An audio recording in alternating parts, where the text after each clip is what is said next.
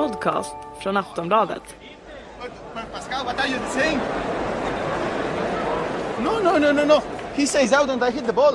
S- Come on. No, no, no. I I don't want to. Baby, be the class clown. I'll be the beauty queen in tears. It's a new iPhone showing people how little we care.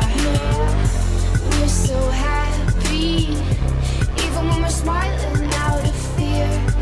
go down to the tennis court and talk it up like yeah.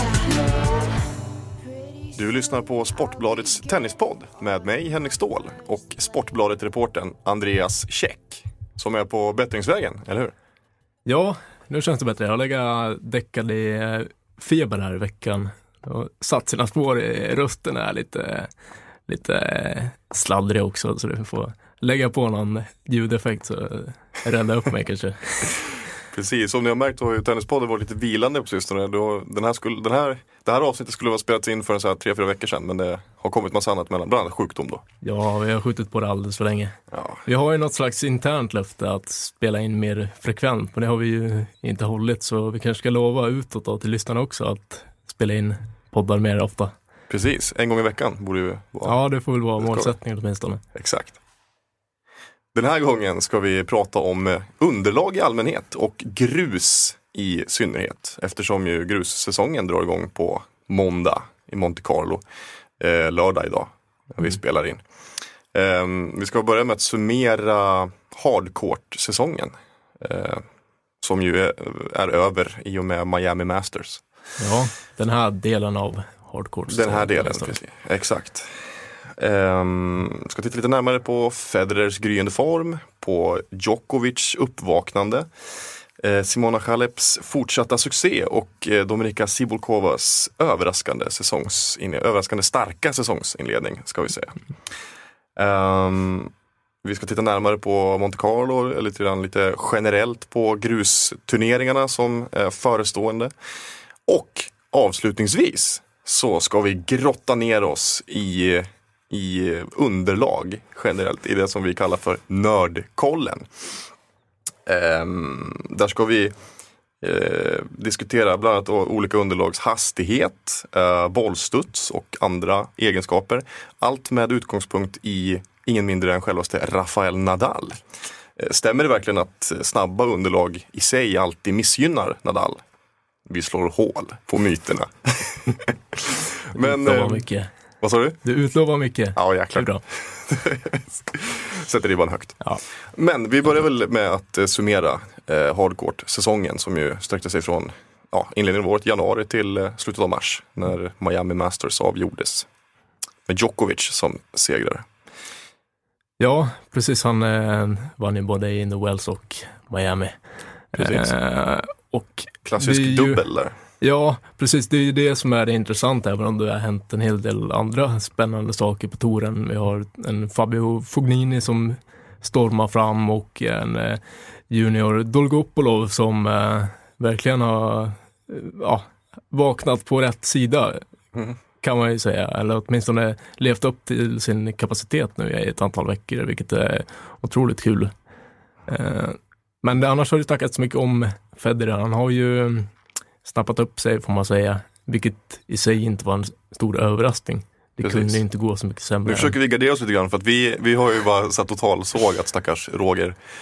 Ända sedan förra säsongen liksom, med all rätt i och för sig. Ja. Men vi har också slagit fast så här ganska, ganska hårda domar som att Federer vinner aldrig mer än Grand Slam och så vidare. Men vi har väl fortfarande fog för att säga det. Ja, det tycker jag väl ändå att vi har, även om man bör ses som en hyfsat rimlig chans att, att stå där med, med trofén i, i Wimbledon. Det, det måste vi väl ändå säga att han har en, en hygglig chans där. Men eh, jag tycker framförallt att det, det man märker med Federer, jag tror att det har gjort mycket gott för honom att eh, byta till ett större racket som är mer förlåtande. Man ser honom inte känka sina backhands lika ofta som han gjorde förra året.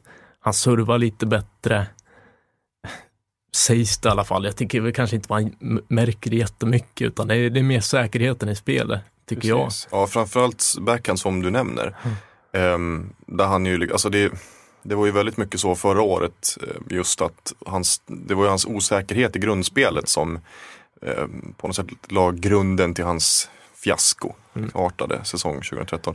Nu har han ju en större säkerhet i grundspelet och framförallt då just på backen som ju alltid har varit en, en svaghet för, för Federer. Eh, I förhållande till liksom andra storspelare. Nu så mm, hade inte alls lika mycket eh, oprovocerade misstag på, på backhandsidan. Även om backhandsidan fortfarande är en, en svaghet som ju liksom de, de bra spelarna riktar in sig mot så eh, eh, han är inte lika svag där nu. Och det har ju att göra med att större racketen ger honom lite större marginal. Han måste inte komma liksom helt perfekt rätt till bollen i alla lägen och tajmingen måste inte heller vara precis lika bra. Så att han, han har lite större marginal med den här större racketen. Jag pratade med eh, Stefan Eberg när det var King of Tennis här i Stockholm för eh, ett par veckor sedan och han sa det att den stora förklaringen är att Roger Federer för en gångs skull är skadefri. Jag vet inte om jag köper det fullt ut alltså. Jag tror det handlar, jag, jag tror dels att Edberg har haft en väldigt positiv effekt. Eh, kanske inte rent speltekniskt, men just att han har, ja det har kommit lite nya ansikten in i stallet och en person som Roger Federer ser upp till väldigt mycket. Eh, Och sen tror jag också att han har, han, han tränar förmodligen smartare och, och liksom har en, en bättre attityd till tennisen. Jag håller helt och hållet med. För jag tycker det där känns som ett lite klassiskt här, eh, Federer-fans eh, argument. Just att så här, man, kan inte, man kan inte köpa att, Fed, att han skulle liksom gå ner sig så mycket så då skyller man på att det är skador. Men det, det faller ju lite grann på Eh, alltså det argumentet faller ju på hans förra säsongsinledning 2013. Han gjorde jättebra från sig i Australian Open. Sen så åkte han ut mot Julian Beneteau i Rotterdam och gjorde en, liksom världens magplask där. Sen, eh, jag menar, visst han skadade sig i Indian Wells men det var ju inför matchen mot Nadal. Liksom. Han sa inte att han var skadad under hela Indian Wells. Han gjorde en jättebra turnering fram till matchen mot Nadal där han var skadad. Eh, han gick till final i Rom. Där var det ju liksom inga, där såg det inte ut att vara några skadebekymmer. Han såg inte ut att ha några så större skadebekymmer mot eh, Kei Nishikori i Madrid. Tyckte man ju inte riktigt så här. Så här. Men eh, det där, jag har ju varit inne på exakt samma sak hela tiden. Att det har handlat om, om Federers inställning till tennisen. Jag, var o, jag liksom var, så att säga, uttryckte min oro redan inför säsongen 2013. När han pratade om att han skulle, alltså han, dels att han bantade ner sitt schema. Och det är väl ingen, ingen big deal egentligen att man spelar lite färre turneringar. Men det var just att han sa att han skulle spendera, liksom, tillbringa mer tid med familjen inte träna lika mycket. Han hade tränat stenhårt. Eller ja, beror på, alltså, som han själv uttryckte han hade inte tränat så mycket teknik under 2012. Men han hade liksom, han spelade mycket och han tränade mycket. Han, liksom, han andades och levde tennis på ett annat sätt. Nu 2013 skulle han fokusera lite mer på så här, teknisk träning. Men ändå dra ner på det totala antalet timmar han, han ägnade på en tennisbana. Och det tror jag ju var den stora skillnaden jämfört med under hösten när han ändå gjorde ganska bra ifrån sig hösten 2013. Det var ju just att så här, då, då skruvade han upp, upp tempot och satsade hårdare. Liksom. Och det har ni även gjort nu. Och sen kan vi nämna också att eh, han ställt upp i Davis Cup. Jag vet inte vad vi ska dra för kopplingar av det. Det kanske snarare har att göra med att eh, han, han såg att de hade en, en chans att vinna för en gångs skull med tanke på att Djokovic inte spelar. Nej men eh, du tänker på Serbien där ja. Ja, ja exakt. precis. Och också för, som jag har varit inne lite grann på, att nu, nu har ju Federer äntligen liksom en, en radarpartner som faktiskt kan bära en stor del av ansvaret i då Stanislas Wawrinka som ju faktiskt har höjt sig ganska mycket. För att jag tycker liksom inte att så här, det handlar inte om att, att på något sätt försöka smutskasta Federer för att det är ganska Eh, det, det är väl rätt så logiskt att om Federer känner att nej men jag, det, jag har ingen chans att vinna Davis Cup. Det vi har i det här laget, vi har, en, vi har liksom ett jättebra dubbelteam i Wawrinka och Federer. Och sen är det Federer som ska, och det, han har inte lyckats liksom. För det, det är omöjligt att som ensam spelare, menar herregud. Då skulle man ju kunna teoretisera kring att Robin Söderling skulle ha kunnat vinna Davis Cup med Sverige bara för att han är så himla bra. Och har liksom, men, eh, men eh, det är klart att om han har sett att nej jag har ingen chans att vinna det här. Varför ska han då lägga ner en massa dyrbar tid och, och då eh, riskera att göra sämre ifrån sig i Grand Slams. Grand Slams har ju alltid varit hans prio ett. Liksom. Eh, nu ser han ju en chans att okej men nu kanske jag har en, en eh, liksom seriös chans att vinna den här titeln som han ju inte har. Det är en av de få titlar han inte har. Det är ju Davis Cup och det är OS-guld. Liksom, sådär. Ehm, så självklart så handlar det ju om att han ser, dels då i Ser- Serbien hade ett väldigt eh, B-lag liksom med tanke på att alla stora stjärnor var borta. Djokovic var borta, Tipsarevic skadad, eh, Troicki avstängd liksom. Det är ju deras deras kuggar i det, där, det landslaget. Ja, precis. Och nu har det ju blivit känt också att eh, Djokovic avstår av ilska eh, mot eh, Trojkis dopningsavstängning. Det var väl kanske ingen vild gissning heller, att det var det som var orsaken. Nej, exakt. Och nu är de ute ur turneringen. Ja. Schweiz är kvar. De, eh, de klamrade sig kvar. Så eh, slog väl, eh, eh, det var, eh, Ja, nu står det helt stilla. ja, nu så, var det Ukraina? Nej, var det inte. Nej, det var ju de Sverige mötte. Ja, just det, det var Sverige som hette Ukraina. Ja. Förlåt, vad tänker jag på? Ehm, Ja. Kazakstan, Ja, så var det nog. så var det. Kazakstan. Med Kukushkin och Golubev. Ja. Just det. 3-2 i matcher, Federer fick avgöra det. Mm. Ja, nej, men det ska väl bli intressant att se nu eh, hur grussäsongen artar sig för eh, Federer. Mm. För eh, Han ställer upp i Monte Carlo. ja, han har ju tagit wildcard dit. Mm. Så det ska bli roligt. Där tror jag väl inte att han kommer ha något att, att hämta. Det kommer stå mellan Nadal och Djokovic. Ja. Och Som vanligt. ja, precis. Och sen så finns det ju så mycket mer också med tanke på vad som hände i fjol att Nadal kommer göra allt för att återta tronen i, i Monte Carlo som ju har varit hans turnering också så Mm. länge. Eh, men just med tanke på att Federer har sett så pass bra ut så här i inledningen av säsongen. Samtidigt så vet vi att Nadal är ju i regel inte jättebra i början av säsongen, även om han var det i fjol. Mm. Och sen Djokovic har varit, han var lite halvknackig i början av säsongen, även om han har kommit igång riktigt Precis. ordentligt nu. Han var ju inte så, alltså, man får Wawrinka gjorde en jättebra turnering, han Ja. gjorde en jättebra kvartsfinal mot Djokovic men, men Djokovic var inte bra där. Liksom. Det, med Djokovic mått mätt så var det inte så bra. Ja, Eh, sen var det ju intressant just att Djokovic, han var ju inte heller eh, särskilt övertygande i Indian Wells, men vann ändå. Mm. Han var ju ganska knackig i alla sina matcher där, till och med mot Federer i, i finalen. Där han liksom inledde första set katastrofalt. Det var riktigt, riktigt dåligt. Kunde inte serva, kunde inte returnera, liksom, gjorde inga rätt överhuvudtaget. Sen så bara liksom, ja, åt han sig in i den matchen och, och vann. Eh, Miami var väl också lite svajigt eh, vid några tillfällen. Sen var det ju i finalen som han då bara prickade, prickade in alla och fick han alla rätt. Liksom.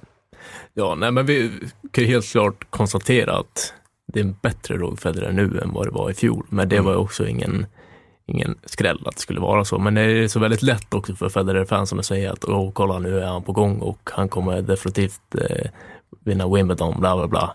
Men eh, det är väl risk för att de står där om några månader också när eh, vi har snart avverkat hela gruvsäsongen och de har Mm. sett att han har inte haft en chans mot eh, Nadal och, och Djokovic. Ja, men det är ju lite så också att man får ju se till lite grann vad det är för vad, vad det är för förutsättningar och så vidare. Eh, Djokovic gjorde ju en, en, en riktigt dålig match i Dubai i semifinalen mot Federer. Och det krävs ju lite det ibland, alltså när det gäller de här stora eh, pjäserna som Nadal och, och Djokovic. Det krävs ju att de ska göra, att de ska underprestera ganska rejält.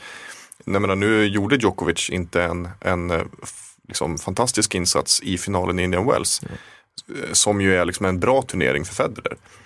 Ehm, men vann en ändå liksom. Och det är så det ofta har sett ut. Att Djokovic behöver, har inte behövt prestera på topp för att slå Federer. Ehm, sen har vi också det här med, alltså när det gäller Wimbledon, om Wimbledon skulle spelas imorgon, ja då skulle Federer ha en riktigt stor chans. För då har vi liksom en Andy Murray som är helt ur slag. Eh, Djokovic trivs inte jättebra på, på gräs, eh, inte Nadal heller längre som vi har sett. Och då är det ju liksom Federer som är huvudutmanaren där och sen finns det några andra som Del Potro och lite sådana spelare. Men, men nu, alltså det är inte som att grussäsongen kommer ju inte att ha någon som helst egentligen positiv in, inverkan på resultaten för Andy Murray. Men däremot så, det han behöver efter den här ryggoperationen det är ju bara mer, så att, mer matchträning. Liksom. Han, behöver, han behöver spela mer. Och lagom till Wimbledon så har han nog säkert höjt sig ett par snäpp. Liksom. Jag blir inte speciellt orolig när Andy Murray själv, Andy Murray är inte så speciellt missnöjd med sin säsong hittills. Nej. Trots att han, man tycker att han borde vara det. Men eh, det är ju så, alltså ryggoperationer, det, det tar tid att ta sig tillbaka. Det förstår han liksom. Och han pushar sig inte. Ja, precis. Och Jag tycker inte det är någon skam heller i att åka och spela många turneringar och förlora i andra rundan mot halvusla spelare. För att det är liksom inte, inte nu han ska vinna sina titlar och ta sina rankingpoäng, utan det är senare under säsongen. Mm. Och det, det ska få ta den tid det tar. Och det här känner ju han bäst själv också, så han måste få göra som han vill. För han har ju fått lite skit för att det har gått så knackigt hittills. Jo precis, ja, men det är ju det man har ju väntat sig att det ska gå bättre liksom. Men det är, jag tror det var Ivan Ljubicic, numera Milos Raonic tränare, som sa det. Att han var osäker på att Andy Murray någonsin skulle kunna komma tillbaka till sin liksom, forna form. Just för att de här, den här typen av ryggproblem som han har dragits med under många år och sen att det liksom, ja, just ryggoperationer, att det, att det har en sån väldigt negativ inverkan. Men eh, det känns som att Murray har koll på läget liksom. Ja, sen så måste jag säga att jag blev förvånad över att eh, det sprack med eh, Lendl. Eller sprack och sprack, det var väl Andy Murrays egna beslut. Ja, ja, det kom ju lite som en blixt från klar himmel, får man väl säga. Med tanke på just att, ja, det hade väl varit logiskt om Murray inte hade varit skadad och liksom att det hade börjat gå sämre. Det är ju en ganska vanlig åtgärd, att ja, men då måste man få in nå- något nytt liksom. Men eh, jag vet inte, har du sett några eh, spekulationer där? Jag har inte läst jättemycket om det heller, men det brukar ju oftast finnas en enkel förklaring att eh, kanske att länder inte vill resa lika mycket och då känner han det att då han behöver någon som kan vara liksom 100% dedikerad till, till arbetet. Jag vet inte om det är så, men det, det, det är förmodligen ingen schism som, som ligger bakom det, det kan jag aldrig tänka mig. Nej. Vem hade vi, vem hade vi kunnat se som så här, vår, vår drömersättare för länder? Ja du, vad fan vill du se där? Connors. Nej jag skojar. Så det blir lite mer jävla namn. Ja, nej men uh, Judy. nej. jag vet faktiskt inte. Nej, Eh. det är svårt för det roliga med Länder det var just att så här, det, det var ju verkligen lite av en chock när Länder skulle ta över eh, som, eller när Länder skulle gå in som coach för Murray. För det var så här, det fanns liksom inte riktigt på kartan, det var så olika spelstilar och sånt där. Men är det inte lite just det eh, Murray behöver? Han behöver ju någon eh, av den typen liksom. En spelare som eh, ja, med liksom med starkt psyke och som kan liksom hjälpa Murray med de offensiva bitarna. Men defensiven har han ju redan koll på, det sitter i ryggmärgen. Ja, vi får väl Ja. se. Tiden får utvisa. Han har inte utnämnt någon ny coach ännu. Precis, Det är väl bara en tidsfråga. det där följer man ju med spänning såklart. Absolut. Men på, på VTA-sidan då, där har vi ju Simona Halep och vi har ju även Dominika Sivolkova som bara Jäklar vilken säsong hon har gjort hittills. Det är nästan, man, man tycker nästan lite synd om henne att hon har varit tvungen att möta Lina typ så tre gånger Ja, och fått stryk i varje match. ja nej men eh, Sibulkova har ju varit, även om hon är, hon är inte alls samma typ av spelare som eh, Dolgopolov på ATP-touren, men de är ändå jämförbara på så vis att de har legat hyfsat högt upp på världsrankingen och alltid haft en, en hög kapacitet och har kunnat störa liksom eh, världstoppen, alltid. Eh, men det är väl egentligen först nu hon har fått utveckling på, på riktigt och eh, ganska kul. Jag, jag tycker att hon har eh, ganska skön personlighet, ett härligt driv på mig, som hon kallas ibland i Twitterkretsar. Det är som hon säger. Eh, Det är väl någon motsvarighet till come on det vamos. Mm. Eh, Men hon har ju spelat riktigt bra ju. Och eh, jag har alltid tyckt att hon har haft en så pass usel serve att hon att det är därför hon aldrig har kunnat hävda sig mot, Mm. mot, de, mot de allra bästa. Men tycker i och för sig inte hon har utvecklat den så jättemycket. Det är mer att hon kommer undan med den. Att, Mm. Men det är mycket det, det spelar ju ganska stor roll. Det kan man ju dra en parallell till Marion Bartoli. Ehm, som ju också hade som största svar, det var ju typ serven. Den var så himla himla ojämn. Men hon, hade, hon ändrade sin, sin serverrörelse sin, du vet, så här hundra gånger under sin karriär. Men det var just när hon hittade en stabilitetsserv. Den var fortfarande inte liksom jätte, jättebra, men hon hittade en stabilitet i den. Eh, eller som en Nadal för all del egentligen. Alltså Nadal har inte en jättebra serv, men han har en stabilitet i den och han har stabiliserat den så pass mycket att han, han kan plocka fram vissa servar i vissa lägen. Liksom. Det, känns, det, det finns ju vissa sådana där spelare som behöver mogna på vissa plan så bara, så, så bara kommer det liksom automatiskt på något sätt. Det är väl lite så med Sibulkova att hon som säger, hon kommer undan mer för att hon är lite, mer, stö- lite jämnare med den. Hon har lite jämnare serv. Nu är den inte så himla så här eh, ja, ojämn. Nej men det är, det är också kul att, för vi var inne på det lite grann innan vi satte på inspelningsknappen här, att eh, spelare som har eh, lyckats och sen direkt efter så har de gått ner sig. Eh, vi är inne på eh, Garbine Muguruza, eh, min personliga favorit Ja. som gjorde jättebra ifrån Vår sig. stora besvikelse Ja, hittills i år. men hon var ju suverän i Australian Open och sen så Mm. bara fallerade det totalt. Sloan Stevens har ju också haft en dålig säsong hittills. Men eh, lite så känner man ju med Sibylkova att efter Australian Open att okej, nu kommer folk ta henne på allvar och det kommer bli väldigt svårt för henne att följa upp det här. Men det har hon ju gjort. Och på samma sak, eller på samma sätt har väl Simona Halep gjort det, även om det var liksom fjolårssäsongen hon skulle följa upp då. Och vi satt ju själva här och, och dömde ut henne, eller ja, Ja, eller vi sa att hon inte skulle kunna klättra så mycket mer. Hon kanske skulle, skulle stabilisera sig inom topp 10. Det skulle inte förvåna oss. Men, men hon har förvånat oss i år. För hon har verkligen klättrat. ja. Och nu är hon världsfemma i skrivande stund. För 11 månader sedan så var hon rankad 64 Ja. i världen. Det är ganska bra klättring. Ja. Och jag blir lika förvånad slash imponerad varje gång jag ser henne spela. För jag, jag tänker någonstans att hon har inte riktigt ingredienserna för att vara topp fem i världen, tycker jag liksom på förhand. Men varje gång jag ser henne spela så känner jag någonstans att jo, det kanske hon fan har. Alltså. Absolut. Och det är en annan eh, spelare som verkligen nu också har, har hittat sin jämnhet. Man trodde ju aldrig att det skulle ske. Det är ju Lina. Ja. Nu är hon liksom ohotad världstvåa. Eh, ligger på ja, ungefär fem, 1500 poäng eller vad det är. För eh, världstrean Agnieszka Radwanska. Eh, och har presterat bra. Mm, kanske inte lika bra som i Australian Open. Det är ju, det är ju ganska förståeligt också. När man liksom vinner en Grand Slam. Det är ju samma sak med jag menar, Wawrinka. Han har plockat 400 poäng sen sin titel i Melbourne. Liksom. Eh, det, det blir ju lätt så. Men hon har ju fortfarande, Lina har ju verkligen hållit en, en fortsatt väldigt hög eh, nivå. Till skillnad då eh, från exempelvis Wawrinka som faktiskt har gått ner sig lite grann sen, eh, sen Australiska öppna. Eh, men det är ju väldigt glädjande för att Lina är ju en spelare med extremt hög kapacitet som ju bara har fallit på sin, sin ojämnhet. Återigen, liksom. Ja, hon sa väl i, någonstans i slutet av förra säsongen att hon var så nöjd med den säsongen. Inte för att hon hade haft några stora konkreta framgångar så, men just för att hon hade varit så jämn. Nu har hon ju fortsatt vara jämn och haft höga toppar. Liksom. Och eh, även om hon är bättre på hardcore så missgynnas hon ju inte nämnvärt av att det blir en gruvsäsong nu. Inte alls på samma sätt som exempelvis Victoria Azarenka. Ja, eller Radwanska. Ja, det också. Herregud.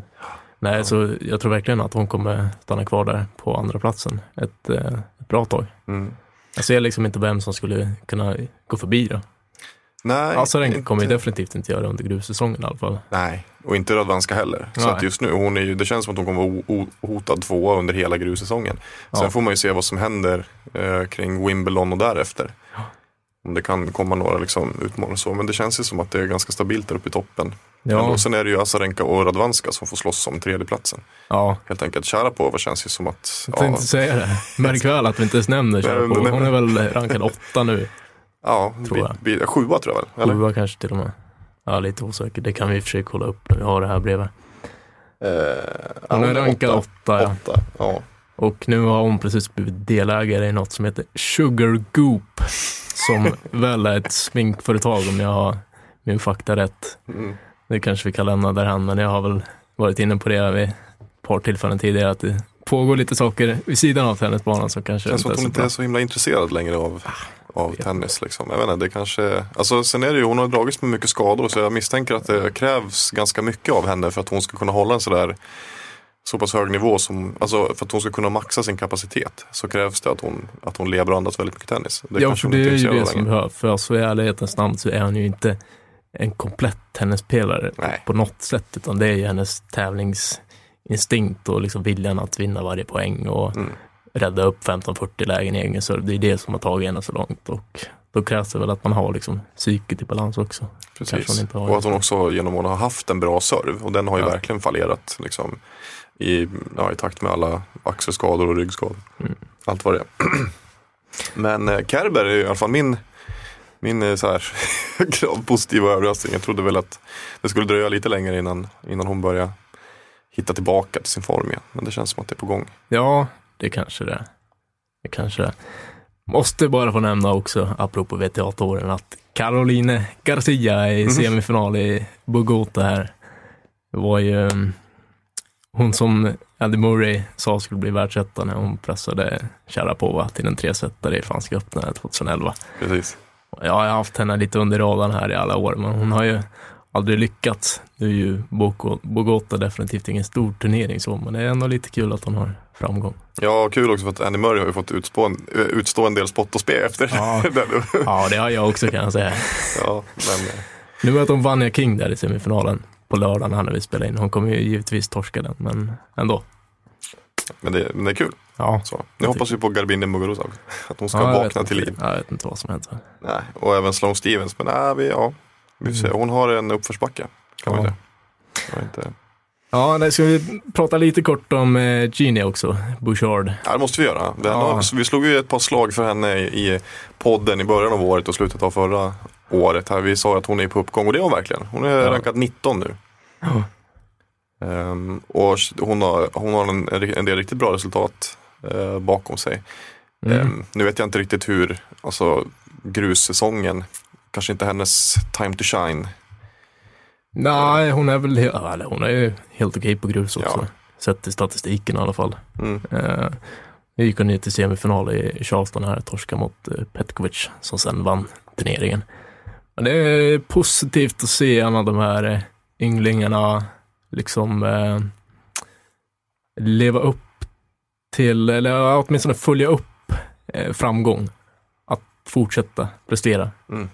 För det är allt för ofta vi bara ser att de, de dalar och sen, Försvinner. ja, Ja, men det har ju varit så, särskilt väldigt mycket så på, på här sidan. Där kan vi ta David Goffin, om Ja. kommer du ihåg honom? Liksom. Han förlorade mot en så här 234 rankad spelare i Casablanca nu nyligen. ja. Ehm, ja, finns Martin Klisan på, Klisan på eh, ATP-touren också. Vi var också Ja, verkligen bara försvunnit ur radarn nästan. Han var ju så här, shit han är topp 10 kapacitet tyckte man ju då när han spelade så jäkla bra. När han tog set mot Nadal i Franska öppna. Sådär. Sen har det bara dalat fullständigt. Victoria Duval också för all del. Nu Ja. var ju aldrig hon, liksom, hon hävdade sig aldrig på riktigt, men hon slog ju faktiskt Stoser i US Open och Mm. var liksom eh, någon som det snackades väldigt mycket om. Henne har man inte sett till alls den här säsongen. Nej. Men men, Eh, men eh, nu när vi går in i grussäsongen så har vi ju två giganter och det är ju Nadal, King of Clay och eh, Djokovic, Prince of Clay? Frågetecken. typ eh, så. Federer, eh, för första gången på hur många år som helst har han ju uttryckt ett eh, liksom glädje över att gå in i grussäsongen. Det, är- det ska bli väldigt spännande att se vad han, han kan åstadkomma. Eh, jag tror det blir väldigt svårt för honom att eh, hävda sig liksom, mot de, de bättre grusspelarna. Men eh, med tanke på hans, att hans formkurva pekar uppåt så känns det som att han borde ju kunna ta sig till ett gäng semifinaler. Kanske någon final om allting träffar rätt. Typ Madrid ska ju kunna passa honom rätt så bra. Om han ja, när det var blått grus gjorde det det oftast. Ja, precis. Ehm, sådär. Men, ehm, men i övrigt då, nu har vi ju liksom Del Potro är skadad, så honom kan vi bara liksom, ja, vad händer med honom den här säsongen? Det blir återigen en sån här liksom flopp. Man blir lite irriterad, ännu mer irriterad på Ja. honom, att han aldrig kommer igång.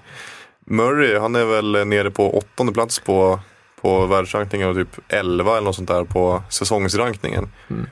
Och han kommer ju absolut inte att eh, kunna slipa de där siffrorna på grus. Liksom. Särskilt inte med tanke på att han har ändå lite att försvara från förra året. Det gick ju ändå hyfsat med, med Murray i mått mätt. Det gick ju hyfsat förra, förra året, grussäsongen. Men eh, så här lite bubblor som typ så här Nicolas Almagro som var skitdålig hela förra grussäsongen. Kan vi se liksom någon uppryckning från hans sida till exempel? Nej, det tycker jag väl egentligen inte. Mm. Men det är samtidigt inget som säger att han inte skulle kunna plötsligt bara göra bra resultat. Han har ju spelet och han har ju en av de mest underskattade servarna på, på touren också. Eh, så why not? Jag vet alltså det, det kommer ju stå mellan Nadal och Djokovic i de turneringar som betyder någonting. Mm. Sen är det väl möjligt att eh, sån som Songa kanske kan blixtra till i eh, Madrid. Det spelas på hög höjd och bollen far lite snabbare i luften. Och han är ju mycket bättre på grus nu än Ja. vad han var. Alltså förra året så gjorde han ju faktiskt en, en riktigt bra grussäsong. Eh, och det tro, tro, trodde ju jag hade mycket med Roger Rashid att göra. Liksom att, han, att han hittade liksom lite mer, mer lugn och trygghet i, sin, i sitt grundspel. Och han, jag tycker att han lätt blir så stressad och så på, han vet inte vad han ska göra på grus. Liksom. Men förra året så spelade han mycket mer ja, mycket mer tryggt och lugnt och säkert. Och det, ja, det går väl, men herregud, han tog sig till semifinal i Franska öppna, han slog Federer där i raka set. Ja, precis. Men han är ju verkligen på, på dekis nu och eh, Ja, kanske något sånt att han helt plötsligt skulle göra bra ifrån sig i Madrid och sen i Franska öppna så har han ju alltid liksom hemmapubliken i ryggen och där brukar han ju kunna göra bra ifrån sig precis. Sen har vi ju sådana här uppstickare som Dolgopolov som är betydligt bättre än man, än, än, än man kan liksom förvänta sig egentligen på, på grus nu. För att han är ganska hemmastad med underlaget. Så här, även om hans spelstil liksom borde passa bättre på framförallt hardcourt så är han ju en bra grusspelare. Vi har även Enes Gulbis, det är ju samma, samma sak där egentligen. En väldigt offensiv spelare som trivs väldigt, väldigt bra på grus. Har ju pressat Nadal så sent som, som förra året i Rom pressade han ju Nadal eh, till tre set. Ehm, han har slagit Federer på grus och så vidare. Ehm, Ja, och sen, sen ska vi nog inte glömma bort eh, Dimitrov och Nishikori heller. Eh, som också kan spela på grus. Ju. framförallt Dimitrov. Ja, eh, men som sagt, det, det är ju de två bjässarna som Exakt. det är upp till dem. Kan vi se Wawrinka som en utmanare? Alltså för grus i grund och botten är ju Wawrinkas eh, underlag egentligen. Nu har han ju liksom rönt framgångar i framförallt Australiska öppna men även US Open förra året. Sådär. Men, eh, men gruset är ju hans, Ja. hans underlag. Liksom. Kan, vi, kan vi se det som att han skulle kunna vara en av de här upp, alltså, utmanarna i Franska öppna till exempel? Ja, jo, men det, det tycker jag nog att han ska att han ska kunna vara. Det känns också som att det är större liksom skrällpotential i hardcourt-turneringar för att du kan liksom komma in i en bubbla och bara smacka in winners på ett helt annat sätt. I en grusturnering så måste du bibehålla liksom ett spel över en längre period och bolla ner din motståndare på ett annat sätt. Ja, jag kan definitivt tänka mig att han kanske blir liksom den nya David Ferrer som alltid går till semifinal, men eh, jag har svårt att se att han kommer vinna Franska öppna till exempel. Apropå Ferrer, honom har vi inte nämnt i något andetag överhuvudtaget hittills. Nu. Nej, jag vet Va- inte, förtjänar va- han att nämnas? Nej, men, vad, vad, säger, vad, vad, vad händer med Ferrer? Jag vet inte. Inte så mycket. Nej. Ja. Det är, det är lite dalar. Liksom. Ja. Det, det går ut för. ja. Ja, vi får se om, om Ferrer överhuvudtaget klarar sig att, eh, att liksom hålla sig i topp 10. Det ska han ju göra tycker Jo. vi. Det är klart att han ska hålla sig i topp 10 i slutet av året. Men alltså, det, är, det, är inte, det känns inte helt skrivet i sten liksom, att det blir så. Nej. Med tanke på hur han har presterat. ehm, under året. Men det känns som att det är mycket kul som händer faktiskt. Det, det, det blir lätt att man säger det så här, oh det här är den mest spännande säsongen på, på länge. Men nu är det ju faktiskt det. För att nu har ju verkligen de här ynglingarna ja, ynglingarna inom citationstecken, men då har de ju verkligen börjat step it up. Och vi har ju Dolgopolov, vi får se nu om Dolgopolov kan hålla, eh, ja, kan hålla den här höga nivån som han har gjort. Han har verkligen spelat jätte, jättebra tennis. Men eh, vi har ju Dimitrov och vi har Marin Cilic och vi har Gulbis som satsar hårt och som det, det, liksom, det ger utdelning. Vi har Raonic har det gått lite knackigt för på grund av skador och sådär, men han är ju fortfarande en av de där spelarna som går långt. ja, absolut. Och liksom, Även i grus. fram tills, Det ja, är det. Ja, särskilt Monte Det är Carlo. ett dåligt underlag för honom. Ja, Monte Carlo är ju bra för, för han, eh, han bor ju liksom i, i. Monaco, i Monte Carlo. Ehm, och tränar väldigt mycket på, på gruset där. Så det, det, det passar ju. Han brukar ju kunna gå ganska långt i, i just Monte Carlo. Ehm, och sådär. Men ehm, ehm, ja, det finns en hel del intressanta namn som verkligen är på, på uppgång. Och sen har vi de här ännu yngre som Jiri Vesely och Dominic Thiem som det har gått väldigt bra för hittills. Jack Sock är ju liksom ehm, sådär. Det känns som att det verkligen börjar hända saker underifrån. Ja, på fast med. Jack Sock, eh, där måste det börja hända saker. Alltså för att På allvar tänker du? Ja. Nej, men inte så att jag, jag, det är inte så att jag tycker han är så pass bra så han liksom ska kunna bli topp 10, men jag irriterar mig på att han får så många wildcards till i stort sett alla turneringar, men att han inte gör något av det. Det är liksom som, det är ett hån mot alla andra spelare som kämpar och inte får spela de här turneringarna. Jag vet inte hur många wildcards han har tagit totalt i sin karriär, men han har ju inte gjort så mycket av dem.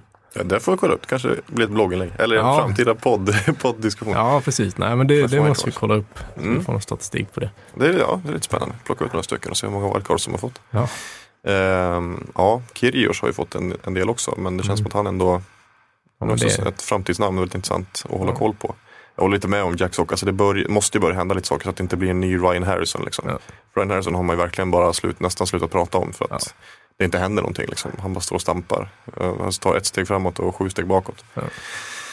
Ehm, ja, Nej, men det är väl ingen skräll att vi säger att, att Nadal och Djokovic kommer att turas om och vinna.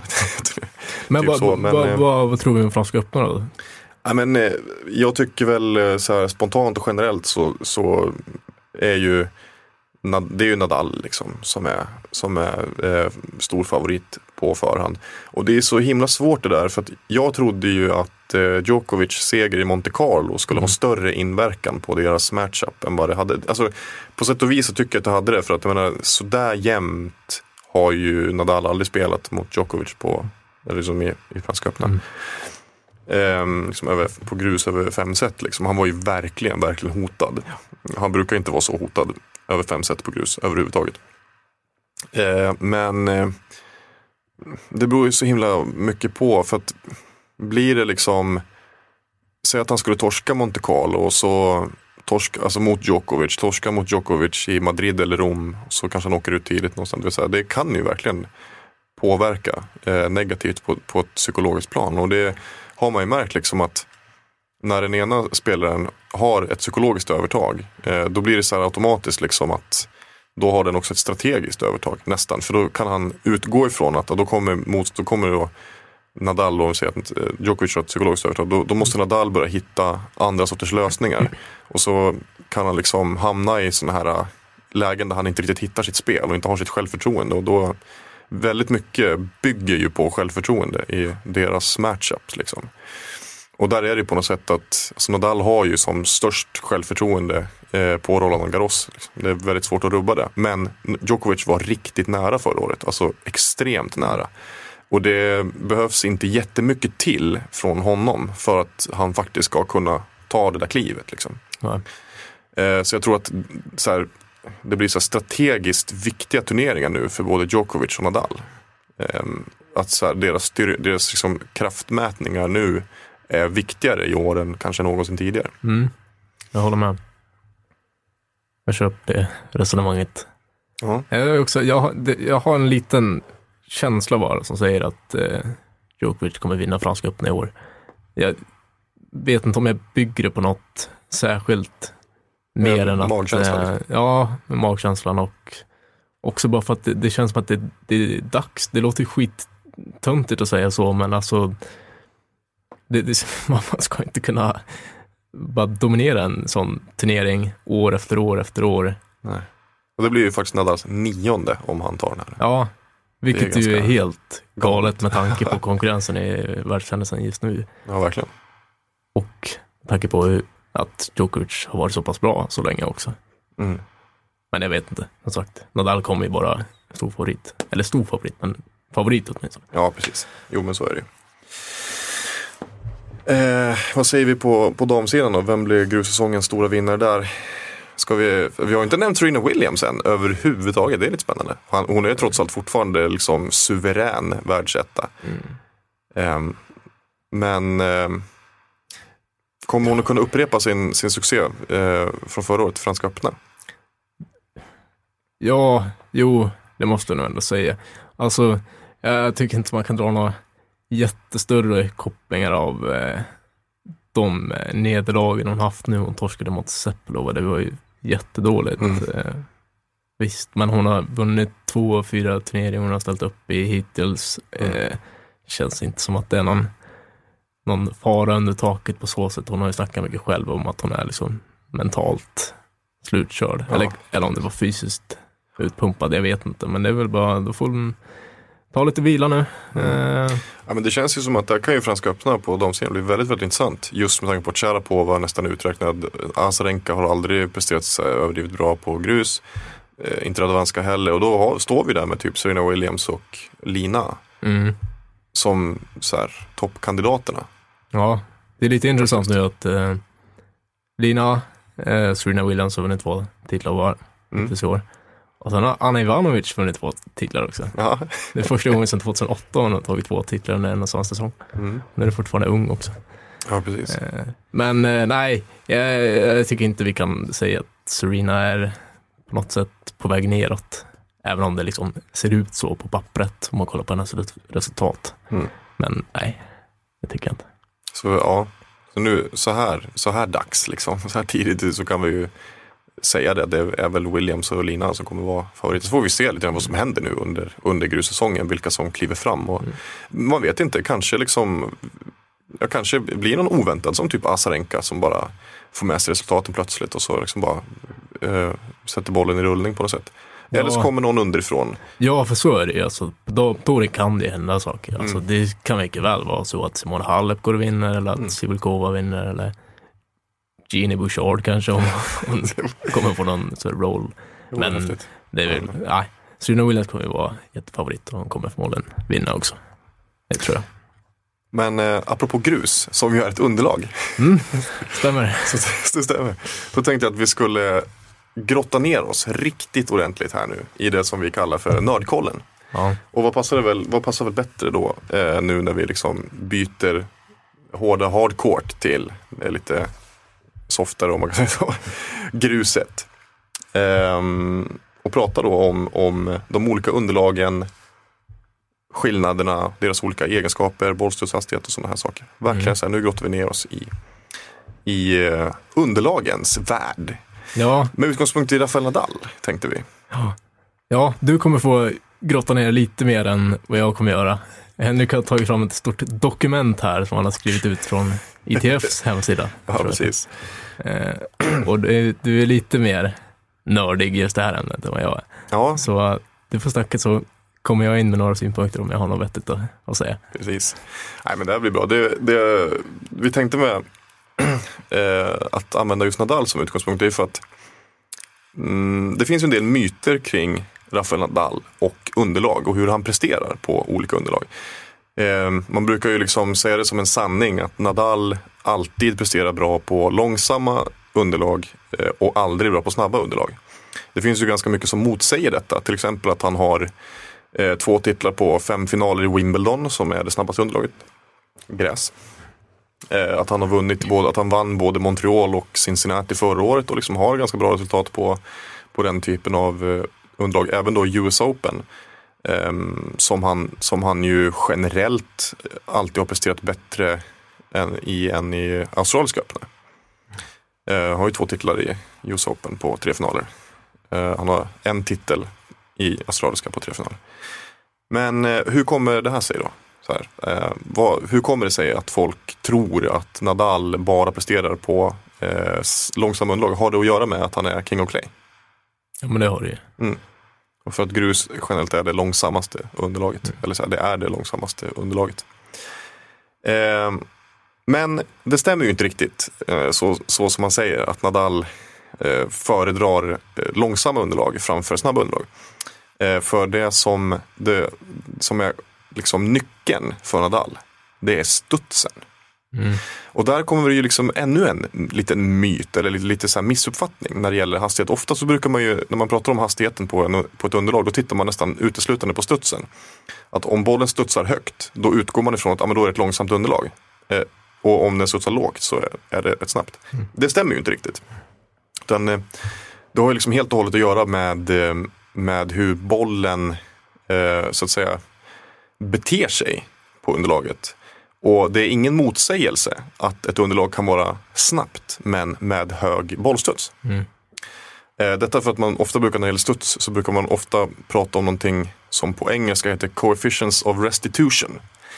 Eh, och det är egentligen på svenska, jag vet inte exakt hur man ska översätta men typ så här eh, eh, ja, fan ska man Det säga? finns väl något mätinstrument på samma sätt som man mäter snabbhet på en, på en Ja, golf precis. green till exempel. Jag tror man kan säga så här, relationen mellan hastigheten hos bollen vid, liksom, vid så här, contact, så säger man, Mm. alltså, eh, kollisionsögonblicket kan man säga. Att Man, man liksom räknar hur, hur, bollen, hur bollen beter sig, hur bollen studsar vid Alltså, när man pratar om coefficients of, of restitution, det pratar man ju dels om också när det gäller racket, alltså kontakten mellan racket och boll. Mm. Ehm, och även då i, i nedslaget, alltså eh, mm, när, bollen, när bollen nuddar marken. Liksom, och hur högt. Och det här coefficients of restitution, det mäter man framförallt vertikalt men även horisontellt. Men det är ju det att när man, när man mäter horisontellt då pratar man ju oftare om, eller mer om coefficients of friction. Och det handlar just om friktionen eh, mellan bollen och underlaget. Och där kan man säga att man brukar snacka när det gäller gräs om att bollen så att säga eh, skids om det. Alltså den liksom bara så här, nästan nuddar och bara så här, pff, snabbt. Och då blir det ju ofta en, en, eh, en låg studs liksom, för att friktionen är så låg. Medan friktionen är hög eh, på grus och då, blir, då tenderar det ofta liksom att eh, det blir hög studs. För att det liksom bromsar men ändå så liksom, eh, är det så rörelseenergin Eh, oj, oj, oj. Vi ska inte, vi ska inte grotta ner oss alldeles för mycket i sådana här matematiska termer. Men, men eh, liksom det i grund och botten handlar om är att det, det finns inget motsatsförhållande mellan snabbt underlag och hög studs. Eh, det finns ju liksom andra, andra parametrar och faktorer man måste baka in i det här. Och det har ju också att göra med spin. För det är en, ett motsatsförhållande. En, ett underlag kan normalt sett inte vara både snabbt hög studs och ha mycket spin. Där är liksom en, en, en, en skillnad. Och då är det just att på långsamma underlag ehm, så tenderar ju bollen att ha mycket mer spin. Som till exempel på grus har man ju som mest spin. Och det är ju just det här som är Nadals styr. Han har så extremt mycket toppspin i sina slag. Så att det ger honom mycket mer utdelning på grus. Dels att slå sina egna slag. Men sen är det också det här att Nadal, han tycker ju om när, liksom, när, när det är mycket studs och mycket spinn. så att säga. Men eh, där kan man ju ha, dra några, ta några exempel på eh, underlag som Nadal verkligen tycker om. Om man kan säga då så här, man kan väl prata liksom i, i relativa termer. Alltså nu är ju Franska öppna är en av de långsammaste turneringarna på touren såklart, för det är grus. Men sett till andra grusturneringar så är Franska öppna ganska snabbt. Eh, Det har ju dels att göra med liksom att det spelas i maj, det är ganska soligt och bra väder. Vilket ju, då spelar det ju såklart roll beroende på hur torrt det är i luften, alltså vad det är för luftfuktighet. Eh, som om solen skiner och så vidare, om det liksom är blåst och vidare, så, så påverkar det såklart hur bollen färdas genom luften. Men sen för att det är grus och det är hög så blir det också mycket, mycket studs och mycket, eh, mycket toppspin. Så att det passar honom eh, bra. Men där kan man säga, så på ett relativt plan kan man ju säga då att eh, det är ett förhållandevis snabbt för att vara eh, liksom grus. Men att det ger mycket toppspin. Ehm, och eh, där har vi exemplet med finalen 2012 mellan Nadal och Djokovic. Där Nadal verkligen så körde över Djokovic i de två första seten. När det var, började regna då. Tills det började regna, exakt. Och då var det just det att det var soligt och det var så här, eh, tempot var ganska snabbt. Men han har ju fortfarande liksom det här, eh, den här studsen och framförallt liksom, eh, skruven, överskruven, spin, toppspin som man får mycket utdelning på. När det sen regnet kom så dog ju själva banan. Studsen dog. Studsen blev lägre men framförallt så liksom dog ju all spin också. Och då så klev Djokovic in och tog över. Därför att Djokovic har inte samma problem egentligen med, alltså han, han behöver ju inte spin på samma sätt. Eh, nu är ju Djokovic, eh, han är ju liksom en av de tveklöst bästa spelarna på touren att hantera den här höga toppspinnen från. Han har liksom inga problem med att stå och slå eh, slag ganska högt. Precis som, Rob, som var som Robin Söderling på sin tid. Han, kunde, han kunde stå och ta de här slagen ganska högt liksom. Det, det gjorde inte honom så himla mycket. Det är samma med Djokovic. Men eh, när det var soligt eh, på Roland Garros 2012 och liksom bra väder, då, var det liksom, då gynnades Nadal så extremt mycket. Då kunde han spela sitt spel fullt ut. Men sen när det blev regn så kunde inte Nadal spela sitt spel fullt ut. Och då kunde Djokovic kliva på, även om det inte det gynnar inte honom jättemycket liksom, att det regnade. Det var ju mer att det missgynnade Nadal så himla mycket. Men man, märker det ibland. Eh, Nadal är ganska ofta ute och svingar mot underlag. Och då är ju den generella uppfattningen att han klagar på att det är eh, snabbt underlag. Men det är ju inte alltid. Nej, Snarare så är det väl så att han klagar just på, på sådana här saker. Att det är liksom annorlunda underlag eller att det skiljer sig mycket från år till år eller från turnering till turnering och att det är svårt att byta emellan dem.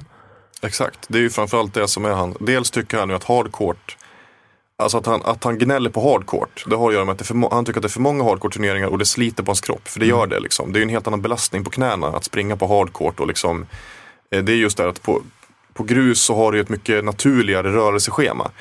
Och en sak som, som man ofta glömmer bort, som är en väldigt viktig faktor när det gäller hastigheter i, i underlag och sånt. Det är ju hur du kan röra dig själv. Alltså det är ju en av de stora anledningarna till Ta till exempel Wimbledon. Där Nadal ofta får, han har, ofta svår, han har alltid haft svårt i inledande rundor i Wimbledon. Även när han har varit väldigt bra i Wimbledon så har han alltid haft det svårt.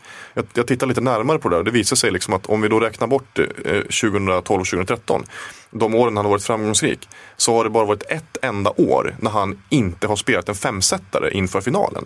Och det var typ 2008 när han ju då slog eh, Federer. Jag för mig att det var 2008. Alla andra år så blev han alltid, minst i en match inför final, så blev han pressad till fem set. Och ofta då av någon sån här dussinspelare.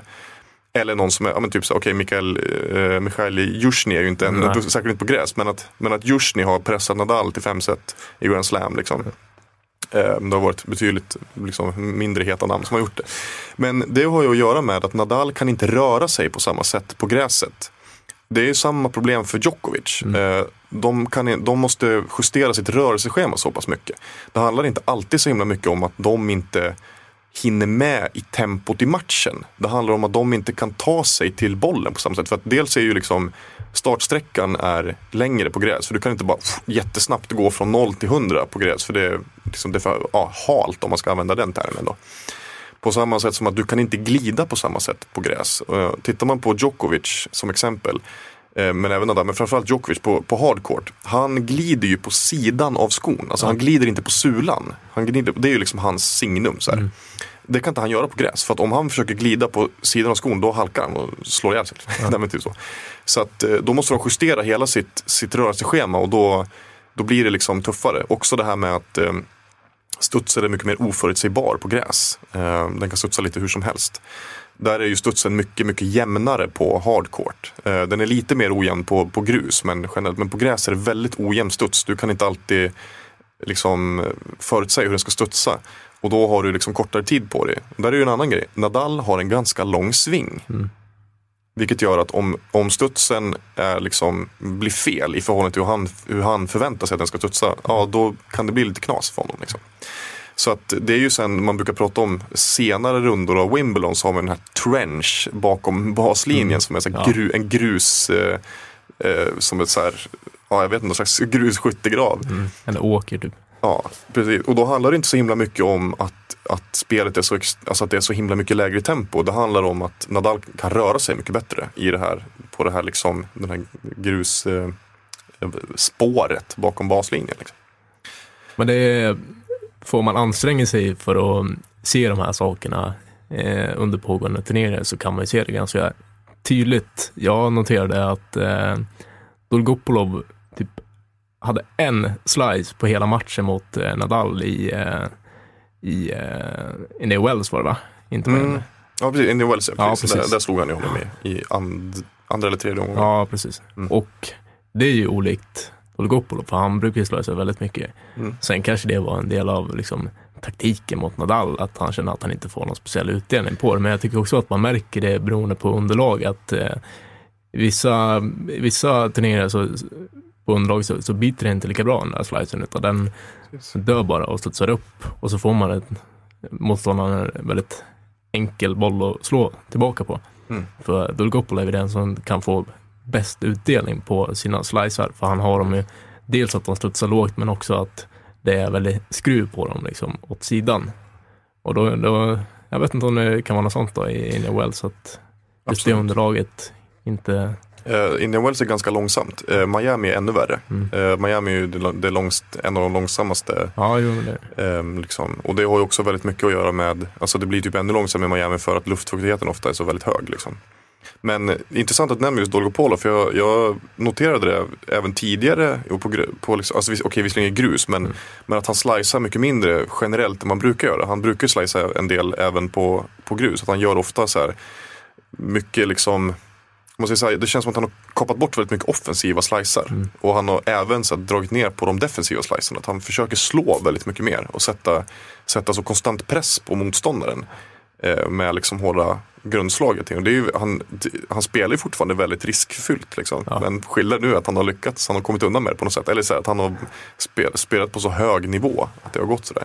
Nej men slicen är ju det där är ju väldigt intressant för att just Slice är ju ett bra, ett bra exempel på liksom det här att det inte riktigt alltid stämmer med att prata om att eh, liksom långsamma underlag så är det alltid högstuds och det är alltid avbrutet. För att Slice är ju ett långsamt slag eh, men det har generellt en lågstuds för att det liksom, är- den, är, den, den har en, en, eh, ja, en underskruv på den. Liksom. Men eh, det stämmer precis som du säger att, att vissa underlag eh, vissa underlag funkar slicen mycket mer på. Och det har också gjort att en, ytterligare en faktor som man brukar prata om i underlag det är ju hur mycket grip och hur mycket grit du har i underlaget. Alltså, ett, eh, alltså även en hardcourt består ju av flera lager. Eh, och så är det liksom olika sorters material du har i, i det här lagret. Men ofta så har du ju någon form av så här, om man ska säga gummiaktig yta. Liksom och, så där. och det beror ju på hur mycket hur mycket, det som man snackar om grip, det, det kan du ju även om man pratar om så här strängning. Eh, på 70-talet så hade de ju någon säsong, så 74 eller vad det var, då, då började någonting som kallades för spagettisträngning. Mm. De strängade väldigt annorlunda, det var väldigt så här lös strängning som gjorde att du, bollen stannade kvar på strängբädden mycket längre än vad det brukar göra. Och det gjorde att du kunde, dels kunde du slå jättehårt men också med så väldigt konstiga skruvar. Eh, och det där förbjöds ju sen för att det liksom, det, den som, som strängade på det här sättet eh, fick sån, sån fördel. Liksom.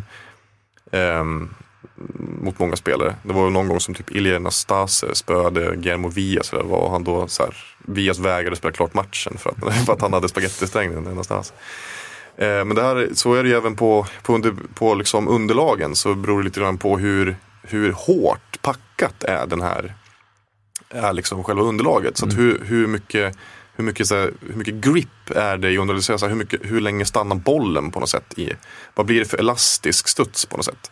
Och där är det såklart att om du har, eh, om du har ett, om man ska säga lite mjukare eh, packning och mjukare underlag. Då stannar ju bollen, det är som att bollen bromsas upp även i en slice då. Så att det blir, det blir större friktion och då studsar den i regel ofta så lite högre. Det är som du säger, den dör lite grann. Liksom. Den dör och så studsar den upp lite, lite löst sådär. Eh, medan om det är hårdare packat så är det som att det är mer, att det är mer bara så här skids. Och det är ju liksom, det är därför den har så extremt mycket, man får ju mycket mer utdelning på en slice på gräs. För där är det som att den liksom bara nästan snuddar och sen så går den i en väldigt så låg, låg båge sådär. Men vi märker väl också eh, på de som drar fördel av det här eh, i sin serve. Jag tänker på en Samantha Stosur som har väldigt eh, mycket kick i sin eh, serve. Både första och andra serven.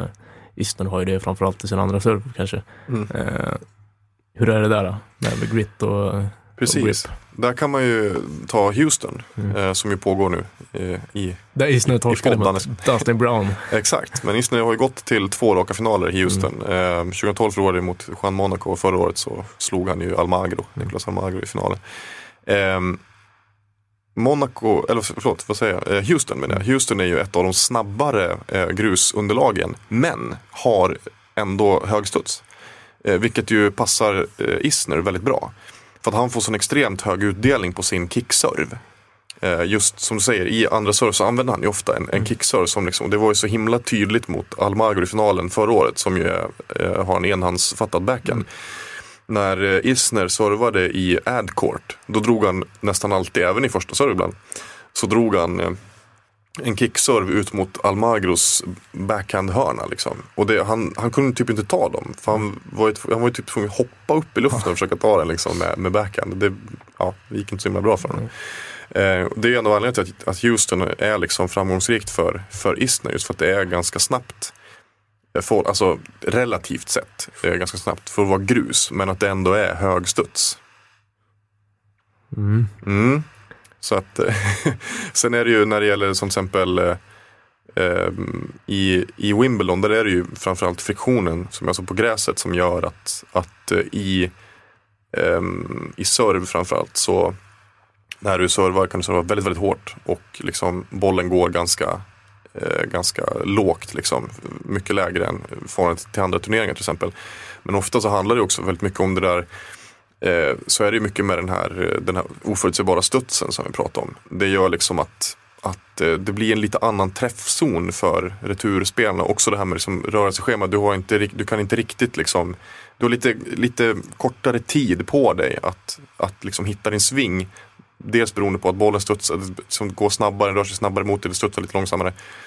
Eh, men också att du inte riktigt har samma rörelse, eh, du är lite begränsad i rörelsen liksom, så att säga.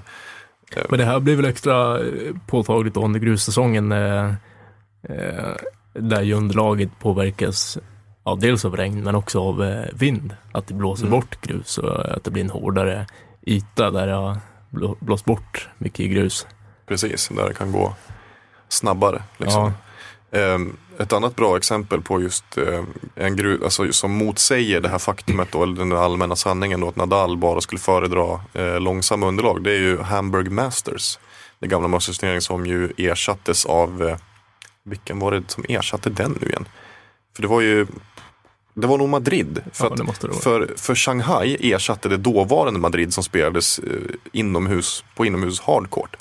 Eh, Men det nya Madrid som var på grus, det ersatte Hamburg Masters. Hamburg Masters var, var en jättelångsam, eh, ett jättelångsamt underlag med en helt död bollstuds. Och det var den grusturneringen som Nadal hade svårast att hävda sig i. Eh, Federer slog ju honom i en final i Hamburg Masters. Liksom, vilket var bara så här, eh, va? det ska väl inte kunna hända liksom, att Federer slår Nadal på grus. Men det var just det liksom att eh, det var väldigt, långs alltså väldigt långsamt men, men dålig studs. Liksom. En studs som inte var, den var dålig i, i Nadals ögon. Liksom. Han kunde inte göra lika mycket med bollen.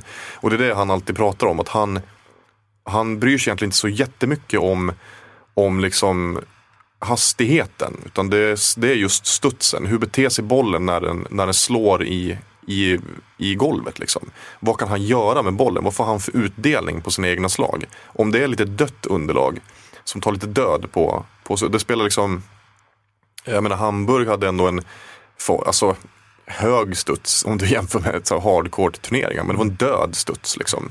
Det var ingen spinn i den. Liksom. Och då kunde inte Nadal göra så mycket med den. Medan det är ett bra underlag ur Nadals liksom, perspektiv i så Montreal, eh, Cincinnati och US Open. Som jag tror att de är klassade som medium fast. Som är, de, det finns ju inga turneringar längre som är fast. Liksom. Alla är ju medium fast eller, eller långsammare. Men de, eh, de rankas ju av ITF som, som medium fast. Vad är Valencia då i så fall? Eh, Valencia, ja får se. Jag undrar om jag inte har den på, på den här listan. Jag har för mig att den är Borde vi kolla upp, för den är ju väldigt snabb. Uh, just det, den här, nej den hade jag inte faktiskt. På, Ja, ja. ja, nej den fanns inte med på den här listan tyvärr. Så jag vet faktiskt inte riktigt hur den, det är ett väldigt konstigt underlag. Ja, för det är väldigt konstigt. Jättemärkligt. Ehm, Visst fan är det snabbt det? Valencia, Ja. ja. jag, upp, jag upplevt det som ganska långsamt. Ja, men det är så det kanske. Ja. Jag, vet- jag vet bara att det är som sagt väldigt annorlunda. And, ja, precis. Ferrer brukar klara sig ganska bra där. För det är så här, ja, konstigt. Jag har för mig att det är ganska så här, elastiskt underlag så att det blir hög studs liksom, och så här, lite långsamt. Granollers gick och vann den turneringen för några Just år sedan också. Det var Men, eh, Misko. Mm, det finns ju också eh, en allmän uppfattning att inomhusturneringar alltid är snabbare än utomhusturneringar. Alltså typ inomhus hardcourt alltid ska vara det snabbaste underlaget. Så är det ju inte riktigt heller. För att alltså, det är ju inte liksom inomhus i sig som gör ett underlag snabbt. Ofta så är ju liksom om du har in, inomhus så har du så har du ett annat form av lufttryck vilket också kan göra, eh, göra liksom spelet långsammare. Men där är det ju ofta för att inomhusturneringar i regel har snabbare underlag. Det är det som påverkar. Men om man jämför till exempel Paris som eh, brukar vara snabbt, som ofta rankas som medium fast. Ibland så ändrar de ju liksom från år till år. Så är ju det eh, hyfsat mycket snabbare än, eh, än World Tour Finals. Men fortfarande lite långsammare än eh, eh, ofta Montreal och Toronto som brukar vara snabbaste. Liksom. Och det är ändå utomhus. Eh, både Montreal och Cincinnati, eller Montreal slash Toronto och Cincinnati är ju mycket snabbare än World Tour Finals i London. Som ju är så här ett, jag vet inte exakt, jag tror att jag ska kolla i min lista. Jo men det klassas som ett medium, kategori 3. Då, alltså, det är en, en eh, femskalig, eh, alltså ITF har en femskalig lista. Liksom. Då har du ju kategori 1 är slow, sen har du två medium slow, tre medium, fyra med, medium fast och fem fast. Och där klassas faktiskt, ser jag nu när jag tittar lite närmare, eh, Rogers Cup, det vill säga Toronto, Montreal och Cincinnati, klassas faktiskt som fast Alltså, okej. på den högsta, så här fem, eh, som femskalan. Eh, kollar man på Paris så lig- ligger den på medium fast och eh, World Tour Finals på medium. Ehm, och det tycker jag märks ganska tydligt som här, i World Tour Finals att det är så här, lite långsammare Mm. eh, underlag. Det har också, eh, och det ska vi också säga, det är ju inte alltid, alltså det är ju ofta så. Det är ofta, också därför som det här missuppfattningen har kommit. Alltså det är ju vanligt att ett underlag som är lite långsammare också har en lite högre studs. Liksom. Så det är ju det är inte som att det aldrig någonsin är så. I World of Finals är det ju så. Det är lite, alltså relativt så här lång, liksom lite långsammare sätt till, särskilt sett till andra in, alltså indoor eller inomhus hardcourt. Eh, och har ganska hög studs också. Men eh, det hjälper ju inte Nadal i alla fall. Eh, för att det fortfarande är andra förutsättningar, för att det är inomhus. Och han har ju själv lite svårt att förklara exakt vad det är, men det är en annan känsla. Liksom. Och det har ju också mycket med, med det här med grip och grit att göra. Liksom. Vad, är det för, vad, vad, vad har du att jobba med, med bollen? Liksom? Och där kan man väl säga att det är ganska dött underlag i World Tour Finals i jämförelse med liksom Rogers Cup i Montreal och Toron- Toronto som ett mycket mer livligt underlag. Det händer lite mer med bollen. Liksom. Lite annorlunda spin. Och det är, det är inte heller så lätt att pra- prata om att säga om det är hög eller låg spin. Det är också vilken typ av spin det är. Vad det är för. Så det, så det är så mycket. Så mycket att ta hänsyn till. Så det, Ja, ja men det har vi fått oss en lektion, ja, både jag och lyssnarna. verkligen. Ja, men det är ju ett spännande ämne. Absolut. Är ja, men det, ja, verkligen. Och det, jag tycker väl att ehm, i Miami så känner jag bara så att om Nadal vinner då är, då, är- då är det typ ett, en större skräll om, än när, jag vet inte, när Federer vann Wimbledon 2012. Liksom. Det var väl ingen superskräll, men ändå skräll. Liksom, så här. Man hade kanske inte väntat sig att Federer skulle... Eller hade man det? Jo, jag vet inte fan. Jag tippade honom i final minns jag, mot Nadal. Det vet vi hur det gick. Ja, just det. Ja, men jag tycker att, att det varit en väldigt stor skräll om Nadal skulle slå Djokovic i Miami för att Miami passar Djokovic så himla mycket bättre. Liksom. Eh, Det är ju inte heller en slump att, att Djokovic är en av blott två spelare, Federer den andra, som har vunnit en eh, dubbel-dubbel. Det vill säga, i år vann ju alltså Djokovic Indian Wells och Miami. Eh, Att man vinner båda de samma år. Det gjorde han ju även 2011. Eh, Federer gjorde det ju två år på raken, jag tror det var 2006 och 2007. Så han hade ju verkligen dubbel-dubbel. Men de är de enda spelarna som har vunnit eh, dubbeln två gånger. Liksom. Eh, och det är på samma sätt som att Djokovic ofta har problem i US Open. Han har vunnit en, en eh, US Open-titel och förlorat, hur många är det nu? Det är fyra va? Eh. Federer 2007, eh, Nadal 2010, eh, Murray 2012, Nadal 2013. Ja precis, en vinst och fyra finalförluster. Det har ju att göra med också att det underlaget inte passar honom lika bra som Australiska öppna. Eh, US Open är lite snabbare, eh, det är lite annorlunda studs. Eh, Australiska öppna, Indian Wells som är, men det passar Djokovic mycket bättre. Med den här lite döda studsen, särskilt då mot Nadal som ju missgynnas eh, på ett sätt. Det är ofta det, är ofta det det handlar om liksom, när, när det är så Nadal mot Djokovic. Det, det är inte så ofta som en spelare gynnas mycket mer, det är mer att den andra missgynnas mycket. Var ju, jag tycker det var väldigt intressant i och för sig i just den här finalen i Miami. Där Nadal faktiskt, jag tyckte att han gjorde en bra match. Eh, liksom spelmässigt. Men strategiskt totalt misslyckad. Jag vet inte vad han sysslar med. Liksom. Han försökte hela tiden att gå mot Djokovic backhand som var så fullständigt perfekt. Det var länge sedan man såg honom slå sådana där helt perfekta liksom, backhands bara på rad. Liksom. Och det var ofta så att Nadal gick så här forehand, från forehand till, alltså först något, något slag mot Djokovic forehand och sen gick han över till backhand. Han vågade inte ligga så och nöta mot eh, Djokovic forehand, vilket han borde gjort. För att så fort han gjorde det så ja, då vann han liksom majoriteten av de poängen. När han liksom riktade in sig mot Djokovic forehand. Ja, det var väldigt tydligt också, eh, även om man inte fick med sig servegenombrottet varje gång och inte ens vaskade fram breakboll i i varje game så kändes det ändå som att han satte press på Nadal i varje servegame på ett helt annat sätt än vad Nadal gjorde på Djokovic. Ja, men det kändes ju lite så som att Nadal servade inte jättebra. Eh, och Djokovic behövde inte serva jättebra för Nadal returnerade ganska dåligt. Liksom. Men apropå Miami måste ju bara nämna det lite kort att eh, både Berdych och Nis- Nishikori eh, lämnar walkover inför Mm. finalen. Det- jävla underbetyg till turneringen också som Ja. ju har det rätt svårt i konkurrensen med Indian Wells. Ja, det är ju liksom odiskutabelt så att spelare, journalister, alla gillar Indian Wells bättre. Mm. Jo, det det betraktas ju som den femte Grand Slammen, i alla fall i USA. Precis, jo men så är det ju. Och Och också dessutom att, att eh, Djokovic lyckades väl ta sig, han hade väl två walkovers. Ja. Jag kommer inte ihåg vem det var som, som lämnade walk- walkover i någon annan match där inför. Ja. Han behövde ju bara spela kvarten typ så här. Ja, nej, fiasko-stämpel Ja. lite grann. Ja, det är lite synd. Men, och det har ju oft också att göra med liksom att Miami, Vi ska ju säga det, att både Berdych och Nishikori blev väl magsjuka. ja det var någonting sånt. Ja. Men, eh, nej men alltså, det har ju varit en del så ganska kassa finaler. Typ, jag tänker så här, finalen mellan Murray och Ferrer förra året som var så här fiaskostämpel på hela den. Alltså, den och då var det för att luftfuktigheten var ju galen liksom. det gick knappt att spela. Så här, de kunde inte serva någon av dem. Eh, och det är ju lite sådär att de, så väderförutsättningarna är ganska konstiga i Miami. Det är väldigt så här, ja, ja, men hög luftfuktighet och jävligt varmt samtidigt. Det är inte optimalt att spela tennis i, i de förhållandena. Liksom. Ehm, ja, grusturneringarna då. Där får man väl säga att Monte Carlo ändå på sätt och vis Alltså det är tur för Monte Carlo att den är den första eh, Masters-turneringen på grus. För att det brukar ju ofta vara den som är mest av en axelryckning och att det är typ Madrid och Rom som är lite häftigare. Mm, absolut. Sen, eh, jag tror att om man är på plats och får välja att gå på en av de tre turneringarna, då går man ju lätt på eh, Monte Carlo Ja, med utsikten där över havet. Jag precis. tror att spelarna trivs väldigt bra där också. Verkligen. Men det har väl kanske att göra med också så här själva statusen om man, ser, om man bara ser liksom eh, Det är just det, det, det är ju lite som med, med som Dubai och sådär. Så här, spelarna älskar den turneringen. Och eftersom de gör det så blir det ofta bra turneringar och då, ja, då tycker vi om det. Liksom. Ja.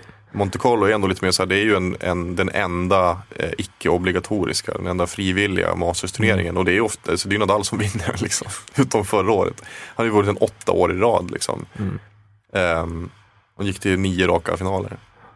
Sen har ju Madrid eh, lite grann att reparera sitt misstag från fadäsen där med det blåa huset. Men däremot Rom tycker jag är riktigt grym, framförallt sidobanan där gillar jag väldigt mycket. När den är lite nedsjunken i marken sådär och publiken sitter liksom på, eh, på någon slags mur ser det ut som. Det är väldigt så här pittoreskt och fint. Framförallt när italienarna spelar också. Om de nu tar sig långt i turneringen så får de ett grymt bra stöd från publiken också.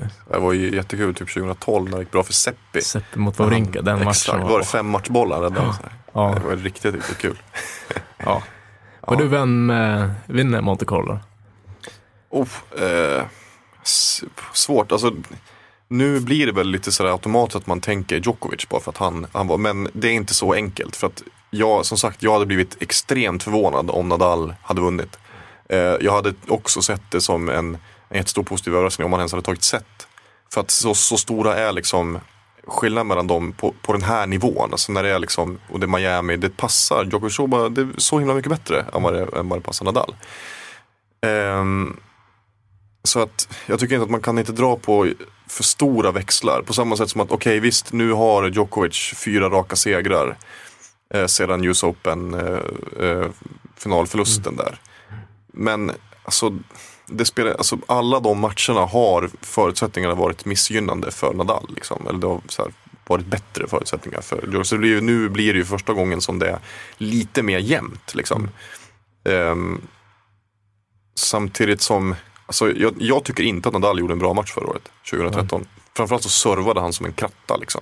Och det straffade sig enormt. Han höjde sig lite grann i andra sätt men det räckte inte. Jag tror att Nadal kommer vara liksom pisk, eller så här, piska sig själv att vinna den här matchen. För det Ja. känns också som att Han kommer inte tillåta sig själv att förlora där två Nej. år i rad. Det Nej. blev en så jävla stor snackis också, just att det var ett så tydligt statement eh, av Djokovic att vinna och det var alla liksom twittrade om det, journalister skrev om det. Nadal påminner sig om det där hela tiden, hela vägen fram till Franska öppna. ja verkligen. Eh, Nej, jag, jag, jag tror Nadal. Sen också så får man ju säga att det var att ha, eh, Nadal ändå gjort, gett lite styrkebesked under Miami. Visst, nu föll han i raka set och var liksom faktiskt helt utklassad mot Djokovic i finalen. Men han gjorde faktiskt en väldigt bra turnering där. Och då var det liksom direkt efter det här magplasket i Indian Wells. Liksom. När man kände så här, och man har känt lite så här hela året att okej, men Nadal kommer inte kunna upprepa sin sin magiska säsongsvinning förra året. Han kommer inte kunna upprepa säsongen överhuvudtaget egentligen. Och att man har känt att okej, men nu är han lite, nu dippar han i form. Men så kom Miami och så liksom gick han till final och så reparerade en del av det där på något sätt. Så att, ja, ja, men jag tycker ändå att Nadal är lite, lite favorit liksom. Med, med Djokovic strax efter. Ja, ska Ja. vi eh, Ska vi... kanske lova att göra en podd i slutet av eh, Monte Carlo? Ja men det tycker jag att vi gör. Vi, vi lovar nu, dyrt och hedligt. Ja. vi ska göra, att vi kommer med en podd efter, efter finalen nästa, Ja, nästa söndag. det låter bra. Låter jättebra tycker jag. Ehm, därmed sätter vi punkt för den här gången. Du har lyssnat på Sportbladets tennispodd med mig Henrik Ståhl och Andreas Käck. Ehm, ansvarig utgivare ska jag säga, det är Jan Helin. Och om du vill eh, hör av dig till oss kan du göra det antingen via fornamn.efternamn eh, aftonbladet.se eller via Twitter. Kanske under, under hashtaggen Tennispodden till exempel. Um, vi hörs snart igen. Adjö Ken.